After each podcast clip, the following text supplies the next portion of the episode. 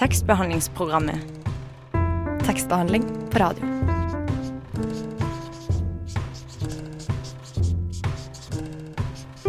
Tekstbehandlingsprogrammet.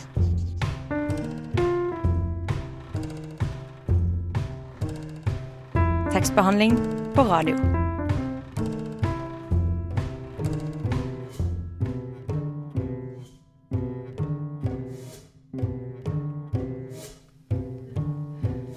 Hvordan ser fremtiden til romanen egentlig ut, og hva er det med denne skjønnlitterære sjangeren som engasjerer oss så sterkt? Om litt skal vi prøve å finne svarene på dette når vi får besøk av Tone Selbo, som er forfatter og professor i allmenn litteraturvitenskap. Dette er tekstbehandlingsprogrammet, og jeg er Mari Nyberget og har med meg deg, Robin van de Valle. Hei.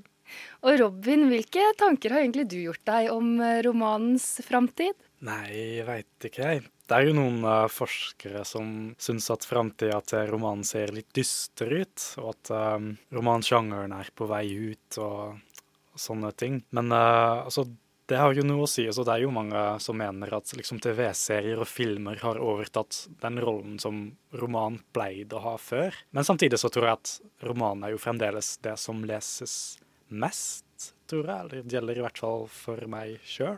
Mm, du liker um, roman? Ja, jeg liker roman, og ja, også lyrikk og sånt, da. Men um, ja, jeg tror at romanen er jo den mest etablerte sjangeren fremdeles i dag, tror jeg. Mm. Eh, vi skal snakke mer om dette senere i programmet, men først skal vi høre B-Boys første singel, 'Get a Grip'. Der hørte du B-Boys og 'Get a Grip' her på tekstbehandlingsprogrammet. Vi lever bare ett liv, men vi kan lese mange romaner, som gir oss en unik mulighet til å ta del i flere liv. Dette sitatet er henta fra boken 'Hva er en roman?' av deg, Tone Selbo. Du er jo professor i allmenn litteraturvitenskap på Universitetet i Oslo. Ja. Og bare dette sitatet alene kunne jo vært en god nok grunn til at vi inviterte deg hit til oss eh, i dag. Men du har jo faktisk skrevet en hel bok eh, om romansjangeren. Mm -hmm. eh, og hva, hva var det som var målet ditt med denne boka, hva er en roman? Som du ser, så står det ikke noe spørsmålstegn etter hva er en roman. Og det antyder vel kanskje at jeg ikke kommer til å kunne gi et endelig svar på det heller. Eh, målet er rett og slett å prøve å sirkle inn hva man har tenkt om og snakket om og ment med romanen over tid. Og ikke nødvendigvis liksom skrive en eh, sjanger, ren sjangerhistorie eller en lærebok i romanskriving, men rett og slett prøve å se hva er på en måte profilen på romanen? Hva mener vi når vi snakker om roman? Hva snakker vi om når vi snakker om eh, romanen? Men så er jo boka et bestillingsverk fra Universitetsforlaget og inngår i en serie som heter Hva er? Og der finnes det jo en rekke titler. Dette er, hva er det, den 54., tror jeg, tittelen i rekka. Men akkurat her likte jeg veldig godt at det ikke var noe spørsmålstegn etter. For det antyder nettopp at man kan prøve å sirkle inn romanens sjangerprofil eller formprofil over tid. Hva er det som utgjør en roman? Hvordan har man tenkt om romanen? Hva kan en roman romme? Når er ikke en roman lenger en roman? Osv. Mm. Men hvem er det boken er skrevet for? Er det for studenter, eller er det For studenter også, men egentlig for alle som er interessert i å lese. Jeg forestiller meg vel ikke at folk som aldri har lest en roman, eller som er helt uinteressert i å lese, vil lese denne boka her. Eh, men jeg kunne jo forestille meg at folk som ikke har noe sånn spesielt akademisk bakgrunn, eller ikke er nødvendigvis interessert i å studere litteratur, kunne ha lyst til å lese en sånn bok. At det er en sånn allmenn innføring. Og så er det nok noen kapitler som oppleves som litt vanskeligere enn andre, men man behøver jo ikke å lese alt. Man kan uh, lese ulike kapitler. Hvorfor uh, heter boka 'Hva er en roman'? Altså, hvorfor har du skrevet om romaner og ikke om si, lyrikk eller noveller, som er litt mer trua, litt mer ukjente sjangre? Ja, det er jo et godt spørsmål. Uh, nå var det en sånn diskusjons, disku, en diskusjon med forlaget. og det var flere forslag oppe. Og en av grunnene til at vi hadde lyst til å lage en Eller vi, sier jeg, det var jeg som skrev den, men jeg diskuterte den jo med redaktøren min før jeg starta. Eh, skrive en bok som heter 'Hva er en roman', det var rett og slett for at romanen er jo fortsatt den formen og den sjangeren som leses mest. Så når folk sier at de studerer litteratur f.eks., eller at de er interessert i å lese, så tenker man veldig eh, lett automatisk på romanen. Og man diskuterer jo mye eh, Kommer romanen til å overleve? Hva skjer med romanen i digitaliseringens tidsalder? Er filmen den nye romanen eller TV-serien som du var inne på i introen din? Så videre. Sånn at i og med at romanen er den største og kanskje mest folkelige og folkekjære sjangeren, så var det morsomt å prøve å nærme seg den. Men jeg er veldig interessert i lyrikk òg, og jeg tenker det ene utelukker ikke det andre. Neste bok kan være Hva er lyrikk? Um, du får, I boka forteller du bl.a. om en bok som heter 'Hvordan snakke om bøker man ikke har lest', av uh, Pierre Bayard. Mm. Og i likhet med han så argumenterer du for at man ikke må ha lest en roman for å kunne liksom delta i samtalen om den og for å ha kunnet blitt påvirket av den. Ja, hva syns ja. du om det? Ja, altså, Jeg argumenterer jo ikke for at man ikke skal lese de bøkene man uh, snakker om. Jeg vil jo helst at man skal ha det, men jeg, eh, det er en veldig morsom, veldig sånn populær bok, den av Bayar. Men hans poeng er at det liksom siver inn, selv når vi ikke har lest bøker. Så tror vi av og til at vi har lest dem. Noen ganger så er vi ikke sikre på om vi har lest en roman eller ikke, for det er så mange som har snakket om den. Eller vi har vært med på mange samtaler om den og tenkt at vi skal lese den. Uh, og dessuten så er det jo noe med at uh, vi driver og skal liksom uh, late som vi har lest ting som vi ikke har lest, hvis ting kommer opp i selskapslivet f.eks., eller selskapslivet høres jo veldig stivt ut, men altså ikke sant, man er på fest eller man er med andre, og så, og så begynner noen å snakke om en bok som det blir tatt som en selvfølge at man har lest, og så er det litt fort gjort å, å, å si at man har lest den selv om man ikke har det. Så, og Bayards poeng er Han lager jo et helt sånn system eh, hvor han liksom snakker om at av og til er det nesten lett å snakke om romaner man ikke har lest. Og han har selv som eksempel at han har undervist på jeg tror det er Ulysses, ja, som han har undervist på i mange år uten noen gang å ha lest. Uh, om det er sant eller ikke, det vet jeg ikke. Men det er et eksempel på en sånn roman som har en viss kulturell kapital, da, kan man si. Og så påberoper man seg at man har lest den, og så har man ikke lest den. Og akkurat den romanen, det, det, tenkte jeg selv. Plutselig så tenkte jeg har jeg egentlig lest hele noen gang? For jeg vet at jeg har lest utdrag, og jeg har lest øh, vært med på samtaler om den. Og da jeg leste den i forbindelse med undervisning for en stund siden, så tenkte jeg har jeg egentlig lest hele romanen før? Så det aktualiserte spørsmålet for meg personlig òg, da. Mm. Har du noen gang undervist om en bok som du ikke har lest? Nei. Som, uh, nei okay. så, tøff er, jeg, så, tøff er, jeg ikke. Jeg er ikke så tøff som Bayard. Det ville jeg aldri turt. Og faktisk, når jeg underviser eh, på bøker, enten det er romaner eller andre bøker, så leser jeg alltid om igjen, for det er så utrolig ubehagelig hvis noen sier 'ja, men den og den personen som gjør det og det der og der', og så husker du det ikke ordentlig. Så, så jeg leser alltid om igjen, faktisk, før jeg underviser. alltid friskt i minnet. Ja, er, den fordelen kan du i hvert fall ha som lærer, ikke sant. Ikke sant. Eh, vi skal snakke litt mer om det, men vi skal først høre litt norsk indie-rock-pop med inspirasjon fra de siste fem tiårene. Dette her er Odd Loves to Dance med låta 'Cinnamon'. Det var Odd Loves to Dance med Cinnamon du hørte der, altså. Og du hører fortsatt på oss her i tekstbehandlingsprogrammet, og Tone Selbo er fortsatt med oss i studio. Og Tone, boka di henter eh, særlig inspirasjon fra 1700- og 1800-tallslitteraturen. Eh, og du underviser jo også i, i hvert fall 1800-tallslitteratur på Universitetet i Oslo. Uh, Syns du de gamle romanene får uh, nok oppmerksomhet uh, i dag? Ja, altså Når det gjelder sånn allmenne lesere, så leser man jo ikke så mye eldre litteratur. Men når jeg tar utgangspunkt i 1800-tallsromanen for å si noe også om romanen i dag, i denne boka, så handler det jo også om at det er på en måte på 1800-tallet særlig at romanen blir roman. Eller den blir en sånn roman som vi fortsatt forbinder med romanen. Eh, så det er ganske påfallende at de, mange av de store romanene vi leser i dag, og særlig først og fremst de realistiske romanene, da, de ligner på mange måter ganske mye på 1800-tallsromanene.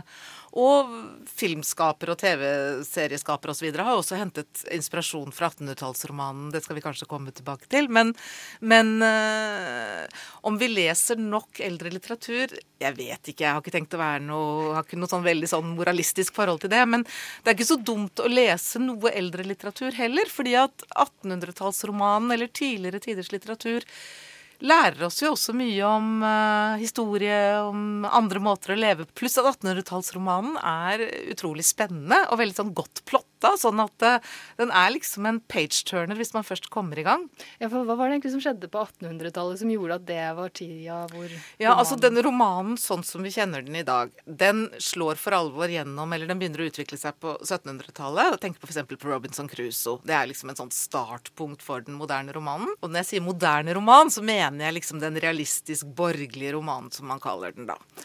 Eh, men så blomstrer den når vi kommer ut på 1800-tallet. Og da kommer disse lange romanføljetongene hvor man publiserer etter fortsettelse neste nummer-prinsipp. ikke sant? Og, og, det kommer nye laster med kapitler av romaner av Dickens, romaner av uh, Balzac. Og flere og flere blir interessert i å lese romaner. Og det handler også om at leseferdighetene øker. Eh, større grupper, sånn som kvinner f.eks., som ikke har samme utdannelsesbakgrunn, får tilgang til litteraturen, og romanen begynner å interessere seg for hverdagslivet. Og det gjør den jo fortsatt den dag i dag. Og det betyr at man ikke nødvendigvis trenger noen bestemte forkunnskaper for å kunne lese romanen. Sånn at det som er det store massemediet på 1800-tallet, det er romanen. Det er sånn kort vindu historisk sett hvor romanen, eller boka, da, som langt på vei er romanen, ikke ha konkurranse av andre medier, sånn som eh, radio, film, elektroniske medier. Og samtidig er enerådene da så å si på markedet. Sånn at den blir på en måte det som forener høyt og lavt. Den blir populært, en populær form. Sånn at i dag så er jo romanføljetongen forvist til ukebladene. Det er jo der vi finner føljetongen. Men sånn var det ikke den gang. Alle de store romanene som vi kjenner som bøker i dag, de kom, fortsatt, de kom opprinnelig som føljetonger. Så kan man jo argumentere for at akkurat nå for tiden, så ser man jo på en måte en slags gjenkomst av føljetongromanen. Ikke på, forstått på den måten at man publiserer moderne romaner bare i kapitler Eh, men man publiserer jo ofte flere bind. Eh, Knausgård er et godt eksempel. Michelet er et godt eksempel.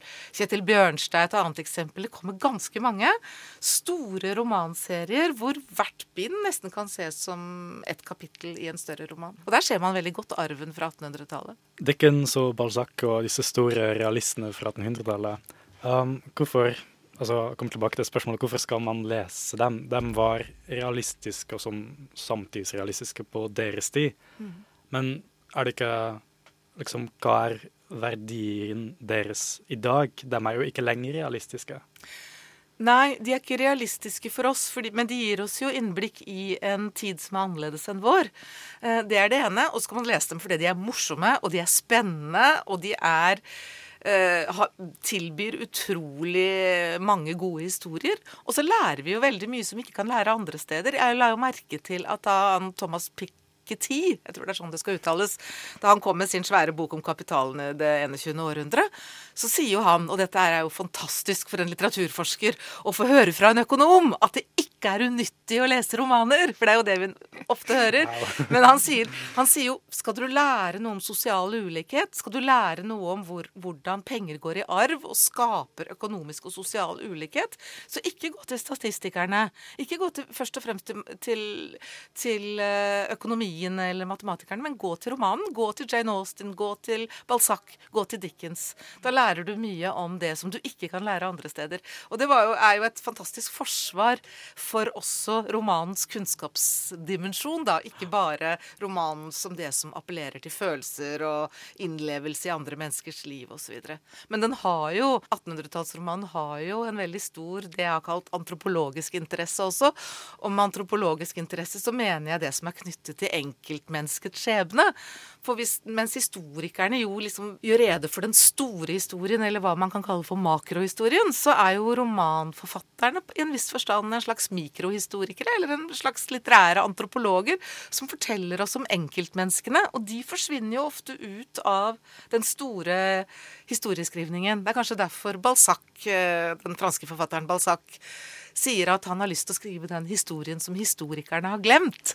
Uh, og han vet jo godt at han ikke blir historiker av den grunn, sånn historiker med stor H, men han får da inn dagliglivets historie, ikke sant, som ofte liksom slipper unna den store eller den mer sånn etablerte historieskrivningen. Um, I boka de skriver de om en side ved romanen, liksom romanen som opprinnelig oppsto på 1800-tallet og sånt, men en side som har gått litt i det siste, og det er det komiske. Mm. En av grunntrekkene ved romanen sier du er nemlig at den skal gi sånn uttrykk til livets ufullkommenhet, og at den er litt sånn antiheroisk av den grunn. Men uh, hvorfor tror du at, den, uh, at det komiske har gått tapt? Ja, jeg vet ikke om det har gått tapt, men det har det nok kanskje. Altså, det er jo en tradisjon på engelsk med comic novels uh, som var veldig sterk i, i tidligere tider. Uh, men romanen kan man kanskje si at grunnleggende Den behøver ikke være sånn at man ler høyt eller at den er skrikende morsom, men romanen er jo på mange måter en demokratisk sjanger. Altså den gir Eh, stemme til veldig mange ulike uh, individer og, og, og, personer. Og romanen er jo, nettopp som du sa, Eh, knyttet til det ufullkomne. Altså Det er ofte noen som skal ut for å finne seg selv, eller lete etter seg selv, eller søke etter noe man ikke har i utgangspunktet. Og romanens verden er jo ikke en verden for de store heltene. Det er, ikke, det er liksom ikke guder og helter og sånn som det var i det greske eposet f.eks. Men her er det alminnelige mennesker. Alminnelige mennesker er eh, romanens verden. Og, og alminnelige mennesker er ganske ufullkomne og feiler ganske kraftig. Eh, hvilket vil si at romanen nettopp har plass til det derre litt sånn kaotiske eh, ja, det lattervekkende, det ufrivillig komiske. Og det har man vel kanskje i en del, i hvert fall roman, moderne romandialoger i dag også, vil jeg tro. At man, de blander det morsomme og det triste. Mm. Eh, vi skal snakke mer om det og om romansjangeren når vi er tilbake etter belgiske Hoover Phonic med 'Sometimes'. Det var låta 'Sometimes' av Hoover Phonic vi hørte der, altså. Og Tone, du virker jo ganske optimistisk når det gjelder romanens uh, framtid. Du siterer bl.a. Umberto Eco, som ikke tror på romanens død, i, i din bok. Mm. Ehm, for verken radio, TV eller kino har tatt noe fra boka som eh, den ikke har kunnet klare seg uten, eh, skriver du. Og likevel så kunne vi kanskje kalle nettopp TV eller kino den nye romanen, ettersom den har tatt over eh, noen sentrale trekk fra 1800-tallsromanen. Var jo inne på det litt i stad. Mm. og hva, hva, tenker du om det? Altså Altså, Jeg vet sannelig ikke. Jeg er fortsatt optimistisk på både romanen og bokas vegne. Uansett om vi kommer til å lese bøker eh, i trygt form eller på lesebrett eller hva det måtte være framover. Og når man snakker om uh, TV-serien især, da, som den nye romanen, så er det jo som du var inne på, først og fremst 1800-tallsromanen den på mange måter har overtatt funksjonen til. Slik at uh, kanskje skulle man si at uh, TV-serien er ikke den nye romanen, men er den gamle romanen. Mm. Uh, men, men der TV-serien har kommet inn og fått en tilsvarende funksjon som romanen hadde i tidligere tider, det er jo at den fungerer sammenbindende. ikke sant? Den fungerer som en sånn sosialt uh, lim, og det er noe vi snakker om. Veldig mange har sett de samme seriene. Veldig mange så liksom Mad Men og The Wire, og nå er det Netflix-serier osv. Slik at uh, flere har sett de samme TV-seriene kanskje nå, enn har lest de samme romanene. På den annen side så er det ikke så godt å si hvor lenge de kommer til å vare, de TV-seriene. Og det er jo ingenting som tilsier at den har fortrengt romanen i, For romanen lever jo i beste velgående ved siden av TV-seriene. Og jeg husker da Knausgårds romaner kom, så føk jo folk til bokhandelen og skulle ha de nye bindene med en gang det kom et nytt bind. Og alle snakket om det. Så det er i hvert fall ikke sånn at romanene har kommet i mindre opplag fordi vi har fått TV-seriene. Snarere tvert imot.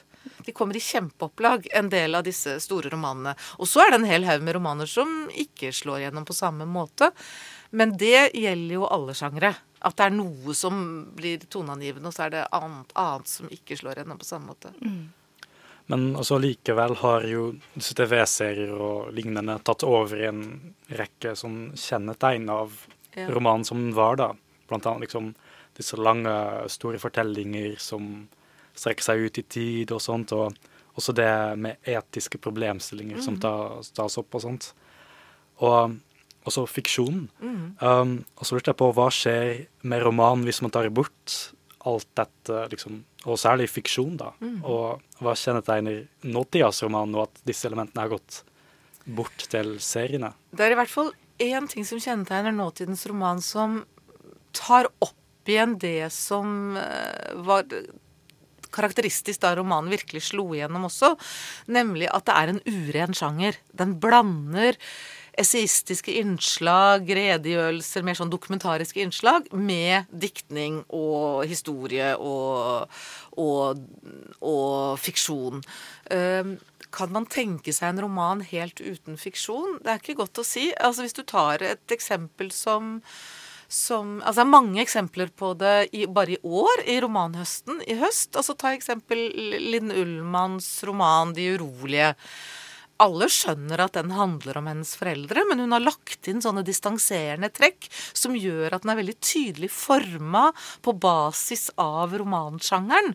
Og hun sier jenta, faren, moren osv. Og, så og der ser du veldig godt den derre blandingen. Selv Knausgårds romanprosjekt hvor han bruker sitt eget navn og bruker navn til andre personer, men er en del personer som er bytta navn på der òg, er jo formet over romanens lest på mange måter, i den forstand at det er en mann som liksom Ung mann drar hjemmefra, skal ut i verden og prøve å liksom finne seg selv og finne ut av ting, og så ender dette sekspinnsverket med at han sitter på landet i Skåne og skal dyrke sin hage og er tilbake igjen hos familien, og en av de store 1700-tallsromanene, uh, Voltaires Candide, den har jo som en sånn berømt eh, avslutningssetning at man må dyrke sin have.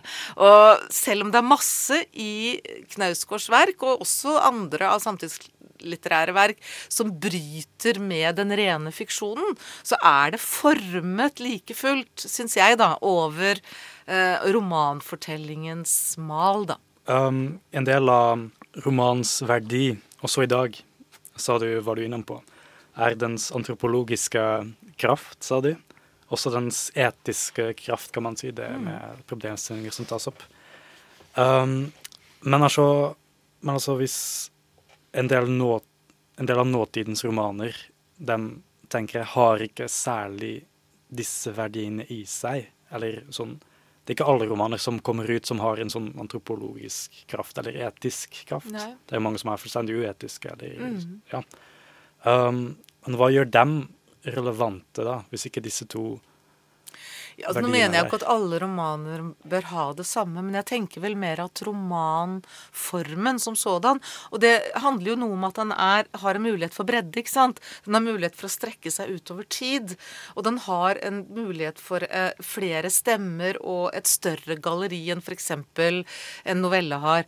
Eh, og dermed så har den mulighet for å konfrontere ulike stemmer, og mulighet for å reise etiske problemstillinger. Men også romaner som ikke eksplisitt reiser etiske problemstillinger, eller eh, kanskje eh, tydelig motsetter seg å gjøre det. Eh, man kan ikke unndra seg etikken allikevel.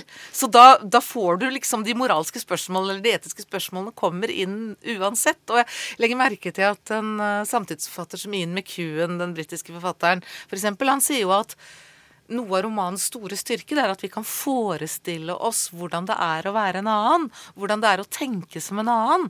Og jeg tror ikke han tror sånn naivt at hvis terrorister enten som vi har sett her i Norge, eller 22. Nei, 22. juli eller, eller 9-11 hadde hatt den evnen at man på en måte verden ville blitt et bedre sted. Men han sier bl.a. om 11. Eh, at man kan ikke forestille seg at disse terroristene om bord i flyet kunne hatt den evnen til å eh, til å se andre mennesker i øynene og tenke seg hvordan det skulle være en annen, og like fullt gjennomføre et terroranslag. Og det er en veldig interessant problemstilling. Og så kan du si at romaner som tilsynelatende er helt f.eks. eksperimentelle i den forstand at den, de overhodet ikke er noe interessert i å fortelle en historie, eller å debattere, eller å eh, reise bestemte problemstillinger. Har, uansett så har de jo et etisk potensial. Eh, så det kan slå ut negativt også, da, sånn at det leder til diskusjoner. Så for det neste spørsmålet så vil jeg dra litt tilbake til Knausgård og Min kamp og lignende bøker som uh, f.eks. Solstads mm. Det uoppløselige episke element, bla, bla, bla. Um, disse romanene kaller seg selv for romaner, men de kan jo egentlig like fullt kalle seg selv for slektshistorie eller for essays eller sånne ting. Men hva sier det at disse bøkene som er så utrolig sjangerbrytende, fremdeles kaller seg for romaner, selv om de kanskje ikke er det? Knausgård syns jeg er, er, klart en roman, men, men, hvis vi tar Solstad, da, og jeg skjønner veldig godt at du stiller det spørsmålet, det er jo et veldig relevant spørsmål, det er jo noe som diskuteres hele tiden. Og det var nok en av grunnene til at forlaget hadde lyst til jeg skulle skrive denne boka òg, fordi at man diskuterer romanen ganske mye. Du må tenke på, romanen er jo ikke bare en estetisk størrelse, det er også en økonomisk størrelse. Vi lever i et land som har inn, automatisk innkjøpsordning på skjønnlitteratur, og den største skjønnlitterære sjangeren er eh, romaner. Det vil si at de aller fleste romaner på etablerte forlag blir kjøpt inn. Hvilket vil si at det betyr veldig mye økonomisk. Eh, Solstad er romanforfatter. Han sier, han sier eh, jeg, har funnet, jeg, dikt, jeg, har ikke funnet, på noe, sier han. Men han insisterer fortsatt på at han er en romanforfatter. Og da mener han, han tror jeg, altså at han tar et stoff, og så former han det stoffet uten å nødvendigvis legge til noe. Men han former det like fullt som en umiskjennelig Solstads-historie, som vi gjenkjenner som en roman. Jeg er enig i at den er ikke, det er ikke åpenbart at den slektshistorien skulle kalles en roman. På ingen måte. Men da jeg hadde lest den fra begynnelse til slutt, så, så kommer man på en måte inn i Solstads fortellerstemme, slik at man blir dratt inn, inn, inn, i denne historien som en form for romanhistorie. Men når det er sagt, så er det jo ikke noe vanntette skott der i det hele tatt. Vi har jo hatt mange eksempler nå i det siste på at bøker kaller seg enten det ene eller det andre, og det er ikke noe sånn vesentlig forskjell. Eh, Vetle Lid Larsen skrev jo denne boka om uh, sin far. Den kaller seg en roman, men jeg legger merke til når, når uh, han blir intervjuet, så snakker man jo bare om den som historien om hans far. Men allikevel så kalles den en roman. Eh, Cecilie Engers 'Mors gaver' og moren som fikk Alzheimer, som kom for noen år siden, et par år siden, den kalles jo en roman. hun er romanforfatter, hun kaller den en roman. Den er åpenbart eh, veldig sterkt dokumentarisk. Samme år så kom Trude Lorentzens bok om moren som begikk selvmord. Den ble innstilt, eller den fikk vel Brageprisen i kategorien sakprosa. Mm. Uh, Prinsipielt er det ikke en veldig stor forskjell på de bøkene, men den ene kaller seg roman, den andre kaller seg sakprosa. Og det kunne kanskje vært omvendt, hva vet jeg. Men det er, så det er et sånt litt flytende felt, det er det. Men du som har skrevet den boka 'Hva er en roman'. Du syns fremdeles at de har lov til å kalle seg selv for roman, selv om de kanskje ikke er det?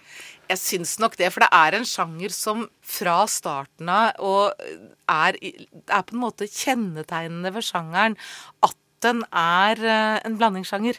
At den blander historieskrivning og diktning. At den, eh, at den eh, blander høyt og lavt. At den er uren med hensyn til stilistiske registre.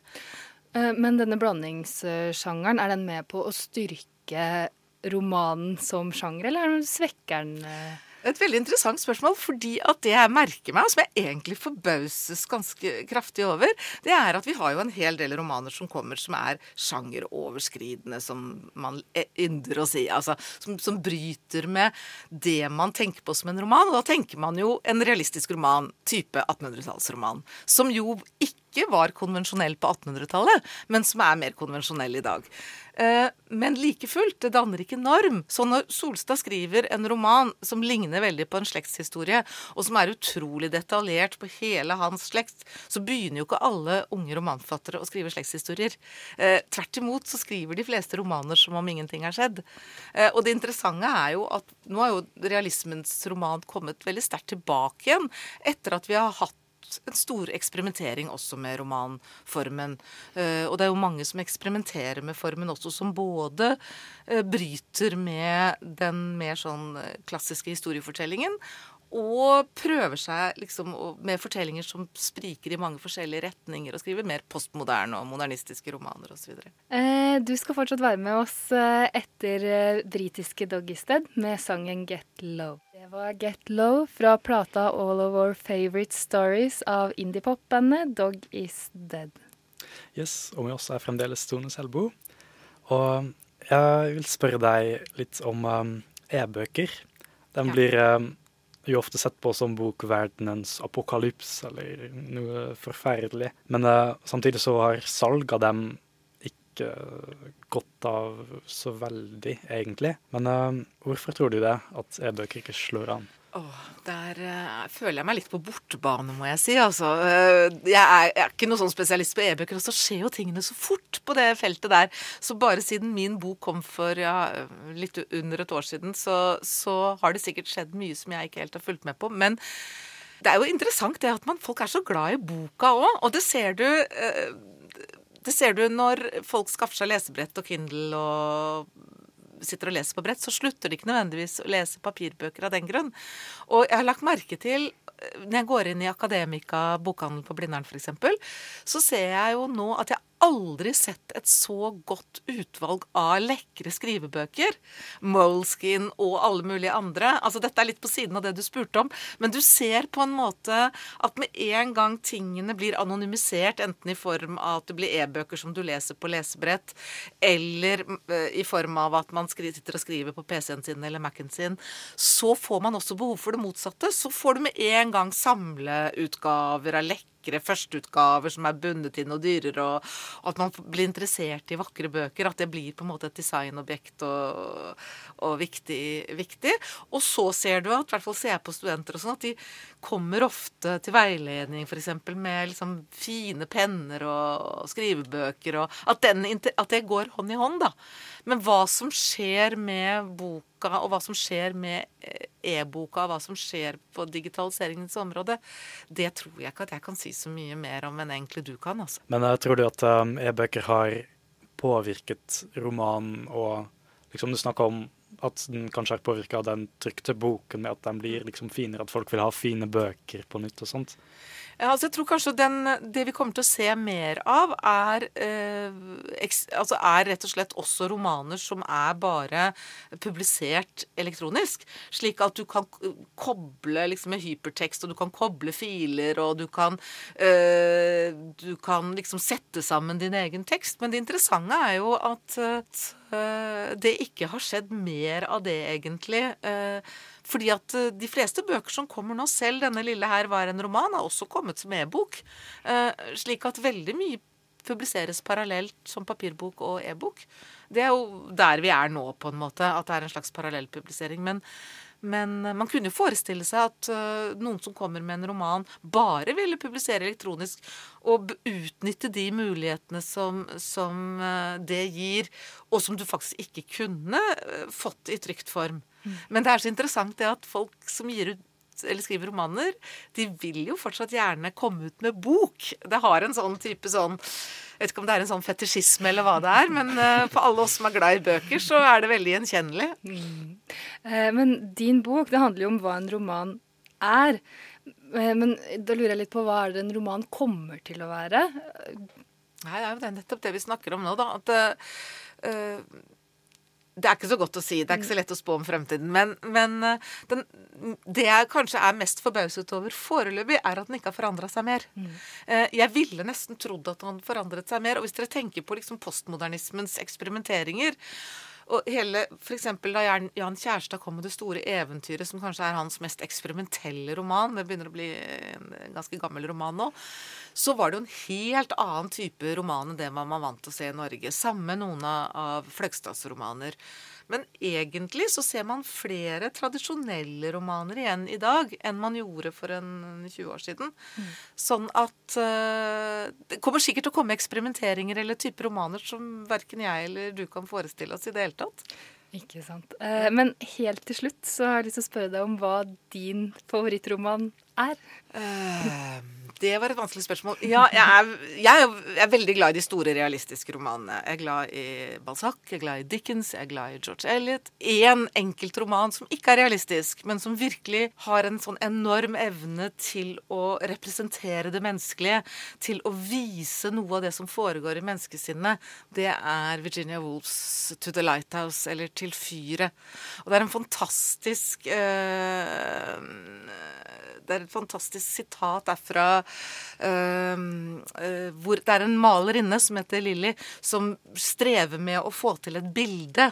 Uh, og hun er så opptatt av at hun vil representere erfaringen. Og hun sier liksom at jeg, jeg vil jeg vil, jeg vil, jeg opp, Hun vil se på den dagligdagse erfaringen.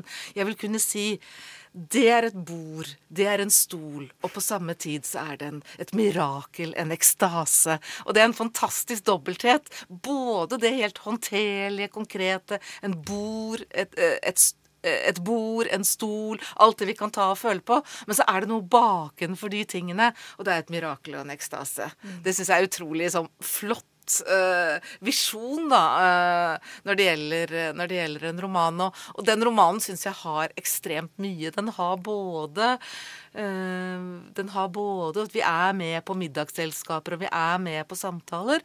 Og, og, vi er med inn i personenes hoder, og inn i refleksjonene, og inn i tankene deres. Mm.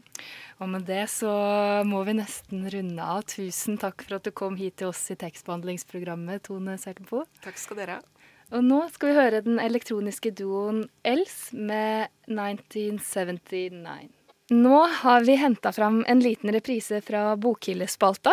Eh, dette innslaget er fra november, da tidligere redaksjonsmedlem Marie Vallestad fikk lov til å snoke litt i bokhylla hjemme hos sin store helt, Knut Nærum. Der var det fullt av eh, bokhyller i nesten alle rom, og Knut selv tippa at det var mer enn 40 bøker. Et lite utvalg av disse kommer her. Hvorfor skal man ha bokhylle i dag? Kan man ikke egentlig bløffe litt med en bokhylle? Hat og krim. Det er ingen krimbøker i hylla. Bokhyllegenerasjonen. Bokhyllespalta. Hei, ja. Marie. Hei, Hyggelig. Skal vi gå til eh, bokhyllen? Ja, det, det, er bøker litt her og der. Det Er, egentlig så er det bøker overalt. Hvor mange bøker tror du at du har? Um, mer enn 40. Ja. Tror du det er mer enn det? Ja, det var det jeg sa. Mer enn 40. Ja. Det er nok uh, Jeg gjetter at det er mer enn 1000. Uh, er det en, den, impo den, imponerende bokhylla? Uh, nei, jeg har, jeg har spredd de imponerende tingene utover. Jeg har alle James Bond-bøkene.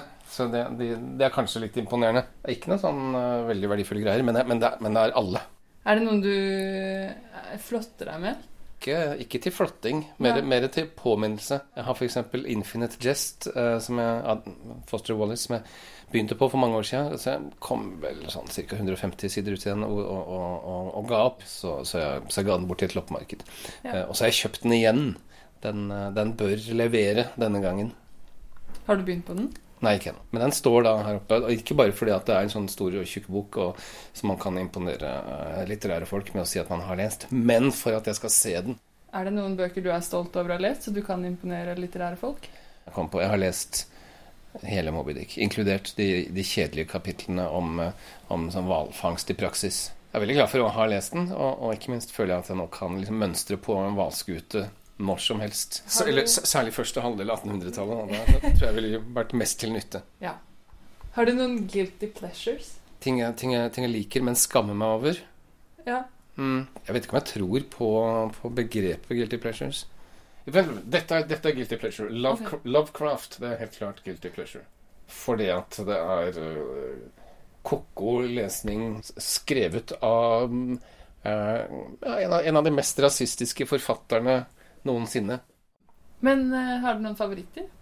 Du, jeg, jeg sprer dem godt utover. Ja, Men kan ikke du vise meg noen av de, da? noen av de bøkene jeg liker aller best, det står her nede sammen med barnebøker. Så her, her er det jo liksom uh, Asbjørnsen og Moe og, uh, og, og Mummibøker. Bildebøkene og, og, og, romanene. Jeg er en av dem som kjøper barnebøker, bildebøker primært, til meg selv fordi at jeg, jeg liker jeg liker bildebøker. Litt fordi at jeg lager dem. Jeg har skrevet noen bildebøker, men, uh, men rett og slett fordi at jeg syns det er mye fint som lages i, i den sjangeren. Um, 'Dracula' har jeg lest mange ganger. Jeg syns det er en flott bok. Uh, jeg, kjø jeg, kjøpte den da jeg var uh, ganske ganske ung. Da kjøpte jeg 'Dracula'. Den kom i eh, Lanterneserien Hefta. Altså Jeg får tak i den seinere, i denne utgaven fra, fra Bokklubben. Og, og, så igjen denne med, uh, på engelsk med altså The New Annotated Dracula. Med Det er egentlig Fotnotene tar mer plass enn en, en teksten i romanen. Har du lest alle fotnotene? Ja, så, som antagelig betyr at jeg er um, mer enn alminnelig interessert. En gang så kasta jeg en bok i havet fordi den var så skummel. Så tenkte jeg at ingen kan ha godt av å, å lese dette.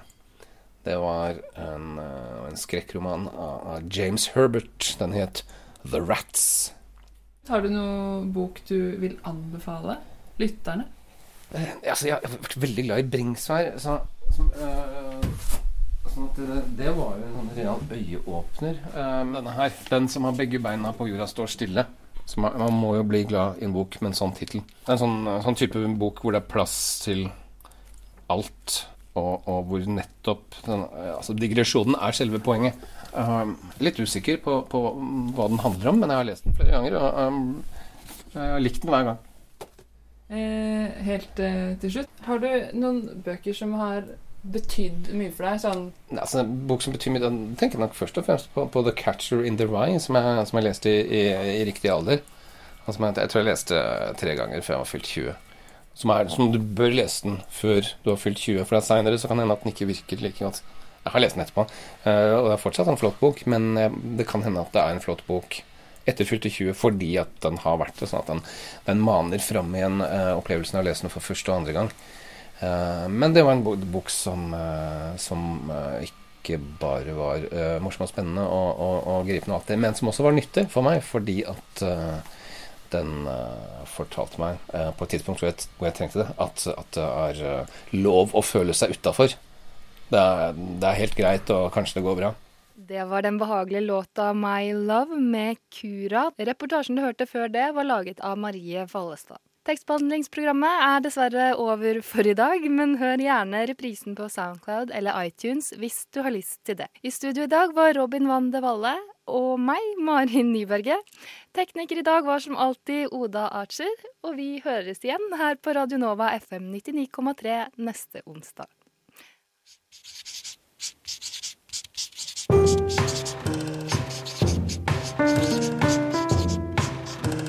Tekstbehandlingsprogrammet tekstbehandling på radio.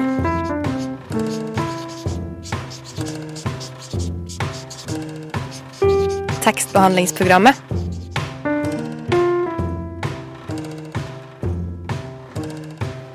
Tekstbehandling på radio.